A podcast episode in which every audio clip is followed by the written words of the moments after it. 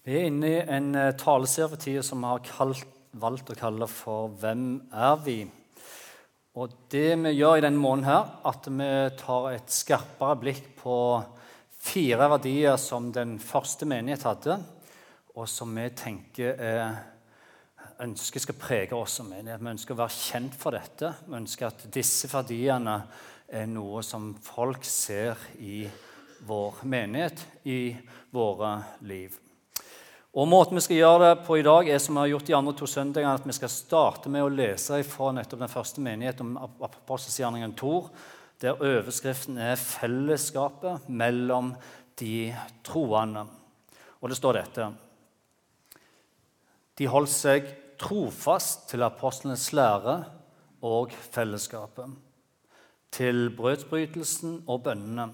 Hver og en ble grepet av ærefrykt og mange under og tegn ble gjort av apostlene. Alle de troende holdt sammen og hadde alt felles.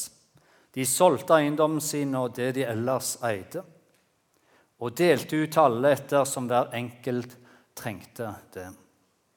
Hver dag holdt de trofast sammen på tempelplassen.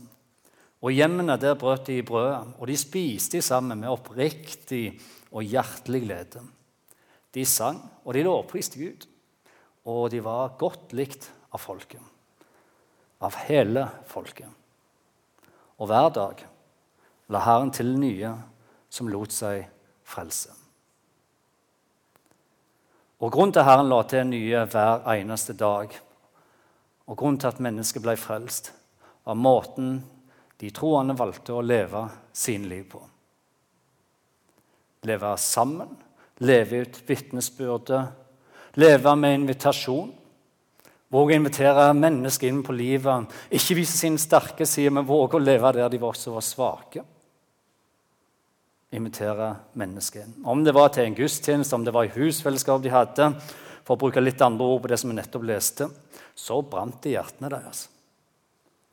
Og det tror jeg handler om at de forsto at denne korte tida vi har her på livet, er ingenting i forhold til den evigheten som venter. Og at det fins to utganger for dette livet, som Jesus hadde sagt til de, og som han også sier til oss. Dette var viktig. Det var dette de levde for.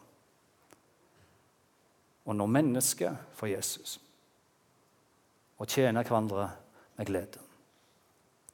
Og Den første verdien som var helt sentral for de som vi så to, for to uker siden, var tilbedelsen. Det var den første verdien. Den andre som var veldig sentral for de, og som vi snakket om sist søndag, det var læren eller forkynnelsen. Og den tredje delen, som var en helt naturlig del av deres liv, som du kan lese ut gjennom apostels gjerninger, som sto sterkt i den første menighet, var vitnesbyrdet. Og vi skal snakke om vitnesbyrdet i dag. Og nå vet jeg ikke hva du tenker når du hører ordet vitnesbyrd, men for mange så vil nok det være å sette i sammenheng med et vitnemøte eller et vitnesbyrd på fem minutter eller å dele vitnesbyrdet sitt med kollegaer. Eller som vi hørte i dag fra Kristine, som var veldig veldig flott. Dele noe som er viktig for oss og livene våre. Og det er kjempebra. Men en ting som er helt sikkert, så er det også det at vitnesbyrdet i grunnen handler om to deler. Det fins to deler i våre og vår personlige vitnesbyrd. Der du har vitne på den ene sida, og så har du byrde på den andre sida. Og Hvorfor sier jeg dette? Jo, fordi det å være vitne handler jo om å bære en kostnad. sant? Det handler om en byrde å bære. Spørsmålet er hvem som virkelig bærer byrden til vårt vitne. Når Jesus valgte å dø på korset for oss, så valgte han også en fordeling på vitne og byrde. Der han valgte å ta hele synden, han valgte å ta skammen med oss. Han bar alle våre skylder. Og våre byrder de tok han med seg til korset.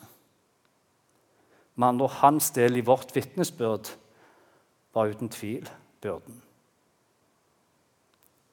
Noe som en gjorde at den delen som ble igjen, vår del, vår vitnedel, vår frihet, det var friheten, det var toner som vi fikk lov til å ta del i. Vår del handler om Hans nåde Det handler om hans frelse. Det handler om han tok byrden vår til korset. Det handler om friheten vi har fått i han, om et evig liv vi har fått i han, i gave fra han. Han er blitt døren, han er blitt håpet. Vårt vitnesbyrd er om at han som bar vår byrde. Om vi leser evangeliet, så vil vi se at når Jesus døde på korset, så falt hele verden i sammen for disiplene i nærmeste, de som fulgte Jesus. Altså Du snakker om å møte veggen momentant. Og Du snakker om alt håp og all tro bare slukes ned. Og du snakker om ingen av disse hadde noen som helst tro på at Jesus skulle opp, nei, stå opp igjen fra de døde. Disippelen Peter han fornekter Jesus og han rømmer. Disippelen Thomas han var så knust etterpå. Han hadde gitt opp alt håp. Disiplene flykta alle som menn etter Jesu på korset. Og Maria og kvinnen de kom til tredje dag, står det, de kom tredje dag til graven for å fullføre det de hadde begynt på. Ord, Det var ingen som trodde at Jesus skulle stå opp igjen. Det stoppet med Jesu på korset, og det stoppet med grava.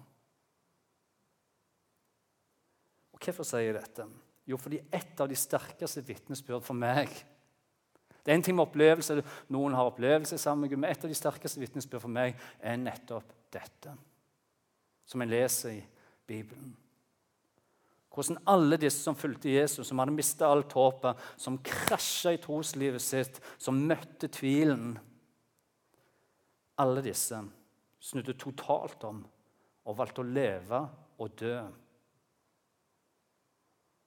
for vitnesbyrdet deres.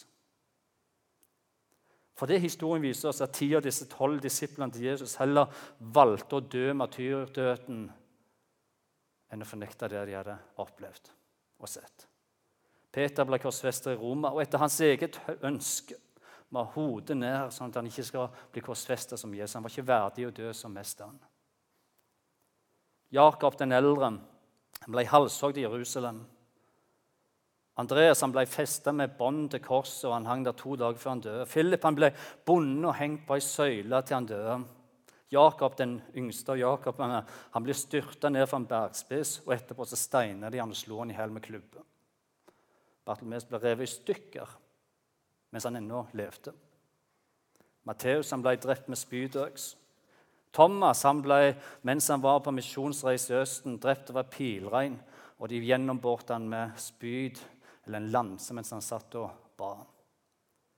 Simon han ble korsfestet, og Tadeus, også kalt Judas, han ble torturert og led grusomt, står det. Han ble pint til døde. Og Hvorfor forteller jeg dette? Vel, Ikke først og fremst for å vise hvor forferdelig deres død var, men for å minne oss alle om at disse er de samme disiplene som trodde at alt håp var ute. Som trodde at Jesus, når han døde, så slutta det der med grava. Men så i løpet av et møte med Jesus, den omstandende Jesus, så forsto de at det de var med på, var mye større enn de noen gang hadde forutsett eller drømt eller forstått i sin tanke. Mye, mye større. Og at det virkelig handla om en evighet og en fortapelse. Så stort var dette at de ikke kunne la være å snakke om det. Vitnesbyrdet måtte ut, og de ville heller dø enn å stoppe å snakke. Som Peter og Janne, som var to av disse disiplene som fulgte Jesus. De ble begge tatt til fange, og de var før framfor retten i Jerusalem, som var jødenes rådsherre og de eldste og de skriftlærde. Og Der ble de bedt om, de påla de å holde opp med å forkynne og undervise i Jesu navn. Og svaret Peter og Johannes han gir dem, er dette her. Hør. Døm sjøl om det som er rett i Guds øyne. Og adlyde dere mer enn å adlyde Han. Men vi, vi kan ikke la være å tale om det vi har sett, og det vi har hørt. Og Grunnen til dette er jo nettopp fordi deres personlige møte med Jesus etter oppstandelsen det kunne de ikke stoppe å snakke om. Der og da, i møte med Jesus, så flytta deres perspektiv seg fra det daglige til et evighetsperspektiv. Der de så det hverdagslige møtet med mennesket i et helt nytt perspektiv.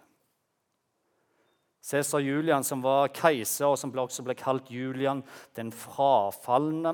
Og Grunnen til han ble kalt for Julian den frafalne, var at han i oppveksten i grunnen hadde kristen tro, men så flytta han ifra det, eller han slutta med det og ønsket å ta inn de hedenske gudene igjen i Romerriket.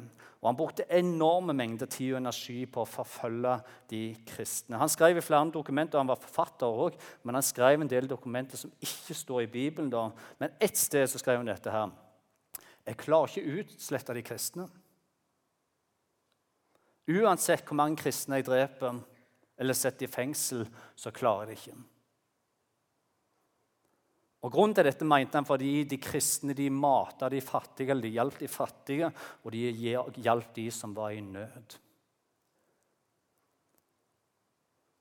Når jeg dreper én, så kommer det to nye.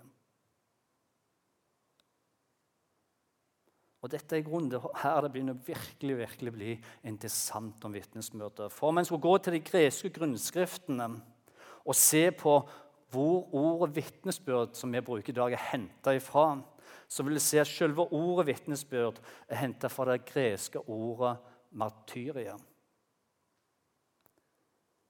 Og Grunnen til ordet vitnesbyrd er henta fra ordet martyria, er jo fordi at vitnesbyrdet det er et kall, en befaling fra Gud. Som igjen betyr at det er et oppdrag Jesus gir til alle troende på jorda. Som igjen betyr at dette ikke er et forslag. Der Jesus spør deg om det skulle passe en gang, så hadde det vært fint. Nei, det er ikke et forslag men en befaling Jesus gir til alle troende.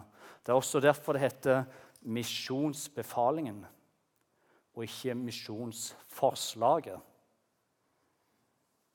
Og det her her vi som mennesker veldig lett kan havne i det som jeg kaller for omkledningsrommet.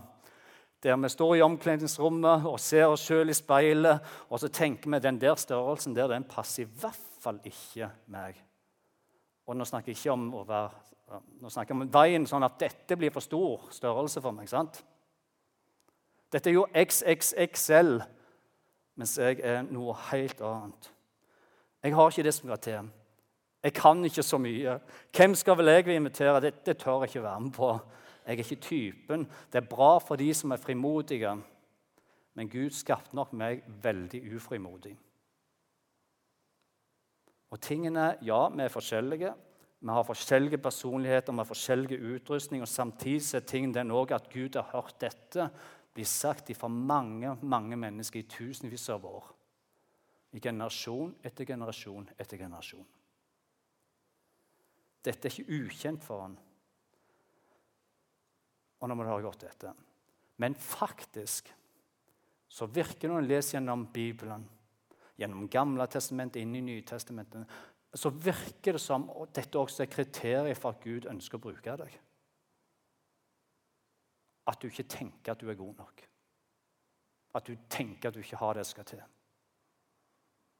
Og hvorfor er det sånn? Når han leser på disse bibelske versjonene som Gud velger å bruke, hvorfor er det sånn? For det virker som at det er da Gud får all ære. Bare hør på disse personene. Ramser med bibelske personer, mennesker som deg og meg, som tenkte at de var for små, eller hadde gjort det, eller de var sånn og sånn. og sånn, De passet ikke, og de kommer aldri til å gå. Bare hør her. Og Allikevel så ønsker Gud å bruke dem for å gjøre de utroligste ting vi kan lese om etterpå. Men bare hør nå her. Jakob han var en snylter og tyv, derfor gikk ikke dette. David han var utro og drepte sin venn. Det var ikke bra. Noah han drakk seg full. Det var ikke bra. Saulus han var en morder. Dette er ikke bra, altså. Jonah han sprang og gjemte seg for Gud, og Gideon han var skikkelig usikker på seg sjøl. Han ble en skikkelig kriger. Miriam vet hva hun, gjør, hun baksnakker og sladrer. Martha hun hadde i hvert fall ikke tid til dette i sitt travle liv. Thomas han var en tviler, og Sara hun var så utålmodig at det gikk mest ikke an å vente på Gud i hele tatt. Elia han syntes så synd på seg sjøl. Han la seg under en busk og ønsket å dø. Moses han stamma, så det passet ikke. Peter han hadde så stort temperament, og Sakkeus var så altfor liten. Abraham han var jo altfor gammel til å være med Gud, og Lasarus var til med å dø. Og sannheten om livet det, deres uansett. Hør. Når de stolte på at det Gud sa, var sant, så fikk de oppleve å erfare ting med Gud som de aldri trodde var mulig. Det er nesten som disiplene. Der alt håp var ute, og så plutselig ser de Jesus oppstanden. Dette vitnesbyrdet ønsker jeg ikke holde igjen med. Dette skal jo være virkelig. Og Det er også derfor Gud svarer Paulus når Paulus kjemper med sine svakheter. Så svarer han Paulus, Paulus husk nå at dette handler jo ikke om deg. Men det handler om at min nåde er nok for deg. Fordi kraften den fullendes i svakhet. Og En av våre største utfordringer som mennesker er nettopp der vi tenker at vi må prestere og vi viser sterke krefter vi viser sterke sider for å bli godtatt hos de rundt oss. Problemet våre sterke sider er dette her, at det aldri har invitert andre mennesker inn på livet vårt. Men det skyver mennesker fra oss. Mens når vi våger å være svak, vi våger å være ærlig, Man våger å si 'Sånn er det mitt liv'. Det er da vi inviterer mennesker inn på livet. Og hvorfor er det sånn? Jo, for det er så gjenkjennbart. Dette Paulus sier, er ikke nytt for Gud, og det er ikke nytt for oss. Men det er sånn vi er som mennesker. Tingen er at Jesus aldri har vært ute etter vår styrke, for det er gjennom vår svakhet at Hans nåde virkelig blir synlig. Det er da Gud blir stor. I Efeserbrevet, nei, i 1. Peters brev 2,9 så skriver Peter dette. Nå må dere ikke glemme at dere er ei ufrelst slekt, ei kongelig presteskap, ei hellig folk, et folk som Gud har vunnet for at dere skal forkynne Hans storverk. Ja, Han som kalte dere for mørke og inn i sitt underfulle lys. Dere er en utvalgt slekt, et kongelig presteskap, et hellig folk et folk som Gud har vunnet for at dere skal forkynne Hans storhet. Han som kalte dere for mørke og inn i sitt underfulle lys. Apostelen Paulus summerer så godt når han skriver dette. Så er vi da utsendinger. Utsendinger for hvem da? For, for Kristus. Og det er Gud sjøl som formaner gjennom oss. Og Disippelen Johannes han velger å si det sånn som dette. Han, han sier, 'Den som tror på Guds sønn' Hva med den? den har vitnesbyrd i sitt indre. Men nå, det handler ikke om vår person, det handler om Gud sådde ned et frø. Det ligger i våre liv. Et vitnesbyrd som ligger der, og som må deles med både ord og handlinger. Jeg husker den første dagen for 18-18 år siden. Jeg ble pappa for første gang, og jeg ser enda bildet for meg når David ligger der som mamma alene for første gang. Og Jeg var så stolt og jeg var så sprekkeferdig. Jeg fikk lov til å holde David for første gang der. Og jeg ga henne til mamma. Og Grunnen var at jeg ga henne tilbake, var at jeg måtte springe ut, for jeg hadde så lyst til å bare fortelle dette. Bare, det må bare deles. Og Det første på lista mi var mor mi, som jeg ringte til. Og Jeg snakket med mor, og vi jubla ifra oss. Og etter jeg hadde fortalt den ca. ti ganger hvem handlingen er mest på, sant? og vi la på telefonen, så var det neste på lista mi var bror min Roy Elling. Og jeg slo nummeret til Roy Elling. Og så var det bare opptatt der. Og så prøvde jeg igjen, og så prøvde jeg igjen, og så ga jeg opp han. Så ringte jeg til søstera mi istedenfor, som var i Trondheim, og så var det opptatt der òg. Og så prøvde jeg igjen, og så var det opptatt. Og så ringte jeg til minstebroren min i Stavanger for å få tak i han, og så var det jammen opptatt der òg. Og det var opptatt, og det endte opp med at jeg gikk inn igjen til Lene, og kun var mor mi jeg hadde fått prate med. De var allerede i telefonen, Men hvem tror du de snakket med? Ja, det var mor, ja. Og tingene, Jeg trengte ikke spørre henne engang om hun kunne spre de gode nyhetene. For om jeg var stolt og klar som et geir, så kan jeg love deg at hun var supergira. Her skulle det ikke spares på kruttet. Og I løpet av et par minutter så visste hele familien det. Det er nesten som, Hadde dette stått i Bibelen om mor, så hadde det helt sikkert stått noe sånt som dette. her. Hun klarte bare ikke å la være, men var nødt til å snakke om det hun hadde sett og hørt. sant? Jesus og disiplene i Matteus evangelium 5 så sier han dette. Hør. Dere er jo jordens salt. Glem ikke det. Fordi Hvis saltet mister sin kraft, hvordan skal det da bli gjort til salt igjen? Da duger det ikke lenger til noe. Men kastes ut og tråkkes ned av menneskene. Ikke glem at dere er jordens salt. Og så fortsetter Jesus å si, hør. Dere er nå verdens lys. Det som jeg begynte, det må dere fortsette. Og dere må ikke gi dere. Denne korte perioden her på jorda Husk, dere er verdens lys nå. Ja, men, jeg, men jeg, jeg, er ikke så flink å lyse. Nei, men det er ikke du skal lyse. Det er jo jeg i deg. Dere er jordens, nei, verdens lys. En by som ligger på fjell, kan ikke skjules, heller ikke tenne med en oljelampe. Sett den under kar. Nei, men sett den i en holder. Vi er med vitnesbyrdet, sånn at det kan få lyse for hele huset. Og så ender det med hele med det han sier dette her. Slik skal dere la deres lys få skinne for menneskene, og så de kan se de gode gjerningene dere gjør, og prise deres Far i himmelen. Og Det Jesus gjør her, han kaller oss til å ha vid innflytelse. Han kaller oss her til å stole på Guds løfte. Han kaller oss her til å fortsette det han har begynt på. Det handler om å vise omsorg. Det handler om å hjelpe de som trenger hjelp. Det handler om å gi kjærlighet til de rundt seg. Det handler om å la de få merke at de er verdifulle for deg. Det handler om å elske og gi av sin overflod. På jobben så burde folk få merke at vi er heilstøpte. At vi er ærlige. At vi er sanne pålitelige kollegaer som ikke har skjulte agenda. Mennesker som misliker baksnakkelse, men som velger å heie på andre. En innflytelse som merkes med våre ord, men også måten vi lever vårt liv på. I Bibelen så står det at når Jesus vet at tida er inne, og han vet at det nærmer seg korsfestelsen, så står det at han går ut i Getsemane for å be. Og I denne bønnen så kan du lese at Jesus han går i forbønn for oss mennesker. I det han ber, han ber dette Jeg ber ikke om at du skal ta dem ut av verden, men at du skal bevare dem fra de onde. De er ikke fra verden, sier han. Slik jeg heller ikke er fra denne verden. Hellige de i sannhet, for ditt ord er sannhet. Og så ber han til sin far og så sier han til slutt dette her, som du har sendt meg til verden. Slik sender jeg deg, har jeg sendt deg til verden.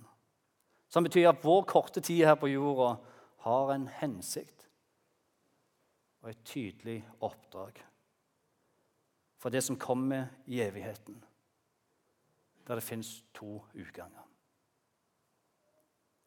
I Romerbrevet skriver apostelen Paulus dette.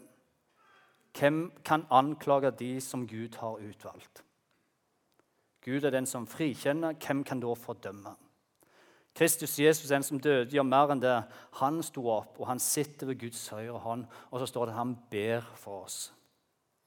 Og Hva betyr det at Jesus sitter med Guds høyre hånd, og han ber for oss? Jo, det betyr at når, Gud, når Jesus sitter der med Guds høyre hånd, så vender han seg mot Gud og går i forbønn for oss. Far, ser du henne nå? Gi Maria den styrken du klarer. Nei, sånn at du skal klare å gå gjennom det hun går gjennom nå. Far, ser du han nå? Ser du Thomas, far? Hjelp han nå. Gi han den visdom han trenger for å være en god far nå. Far, gi Eli den trøsten du trenger. Ser du sorgen hun bærer på? Far, gi Erik den gleden han trenger, så han kan slippe å leve i det mørket han bærer med seg. Far, hjelp de i ekteskapet nå. Hjelp hun som blir mobba av skolen, far. Hjelp de som, som de kan stole på deg. Hjelp de, far. Jesus går i forbønn for oss. Han sitter med Guds høyre hånd, og han vender seg mot far sin og ber for oss. Forfatteren i brev skriver sånn Men Jesus har prestedom som ikke tar slutt, fordi han er og blir evig til evig tid. Derfor kan han også fullt og helt frelse de som kommer til Gud ved Han, fordi han alltid lever og går i forbønn for de. Når vi glemmer å be, så husker han å be. Når vi er fulle av tvil, så er han full av tro. Når vi kjenner oss redd, så er han trygg. Når det stormer og livet overrasker oss, da er han anker som står helt fast. Jesus han går i forbønn for deg. Om du skal lese Postgjerningene 7, så kan du lese om denne mannen Stefanus. Og Det står om Stefanus at han var en mann full av nåde og kraft. og Han gjorde undergjerning og store tegn blant folk. Jeg tipper han var godt likt. altså. Stefanus var en god mann som jeg sikkert kunne blitt bestekompis med. Jeg tipper til og med at vi hadde heid på samme fotballag. Stefanus var en god mann, en troende som gjorde mye godt for folket. Men pga. sitt vitnesbyrd om Jesus så ble han ført fram for rådet, dømt til døden ved steining. Og det er de steiner Stefanus, og han Stefanus faller i kne. Så står det videre Stefanus, fullt av Den hellige ånd, han retter blikket opp mot tom himmelen mens han sitter på kne der, og de steiner han. Og han sier, 'Jeg ser himmelen åpen, og menneskesønnen står ved Guds høyre hånd'. Og Det er også det siste vitnesbyrdet Stefanus gir her på jorda, før han faller om og ber om at Gud må tilgi dem for det de gjør. Mitt spørsmål til deg til slutt er dette her. Har du noen gang hatt noen som sto opp for deg? Når Stefanus led, så valgte Jesus å stå opp for Stefanus. Men har du noen gang hatt noen som sto opp for deg?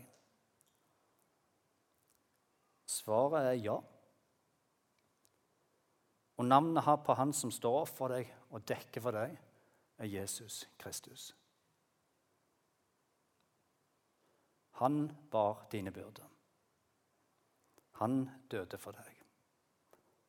Han sto opp igjen for deg, og han sitter i dag ved Guds høyre hånd, og han går i forbønn for deg. Hvorfor? Fordi han elsker deg. For du er dyrebar for han.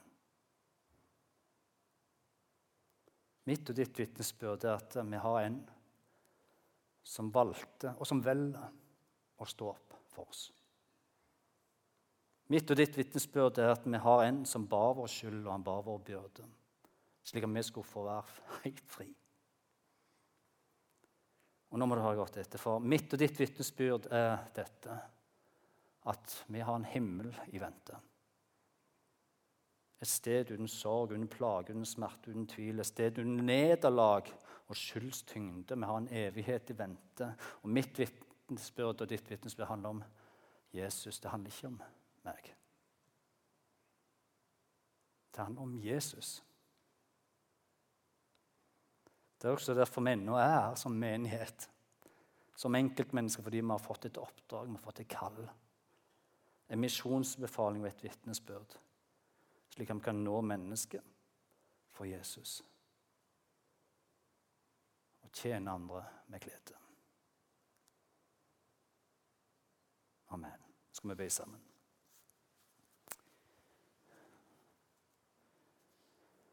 Gode Jesus, vi bare takker deg her for dette vitnesbyrd som vi står igjen med nå i dag. Og det vil være forskjellig for den enkelte av oss. Herre. Og Nå ble det veldig mektig, disse vitnesbyrdene som vi har hørt om i dag. Disse som lever martyrdøden for deg. De hadde jo personlig møtt deg, da. Og så har ikke vi det på samme måte som de. Så kanskje vårt vitnesbyrd blir litt annerledes.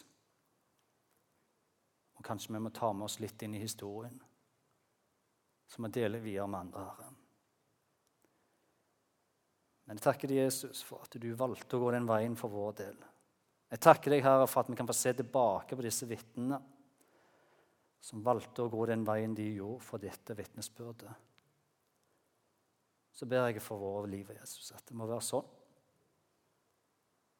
at vi forstår at denne tiden vi lever i, er kort tid.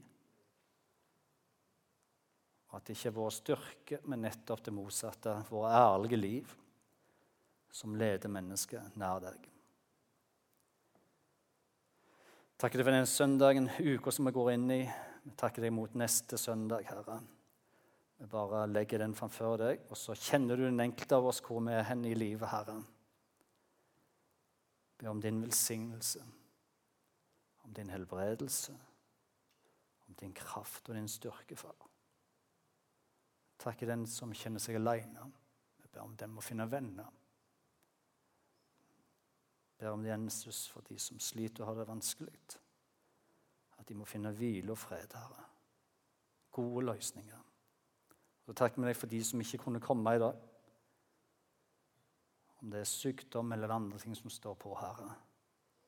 Jeg ber om du må komme dem nær, Herre, og sende noen i deres vei.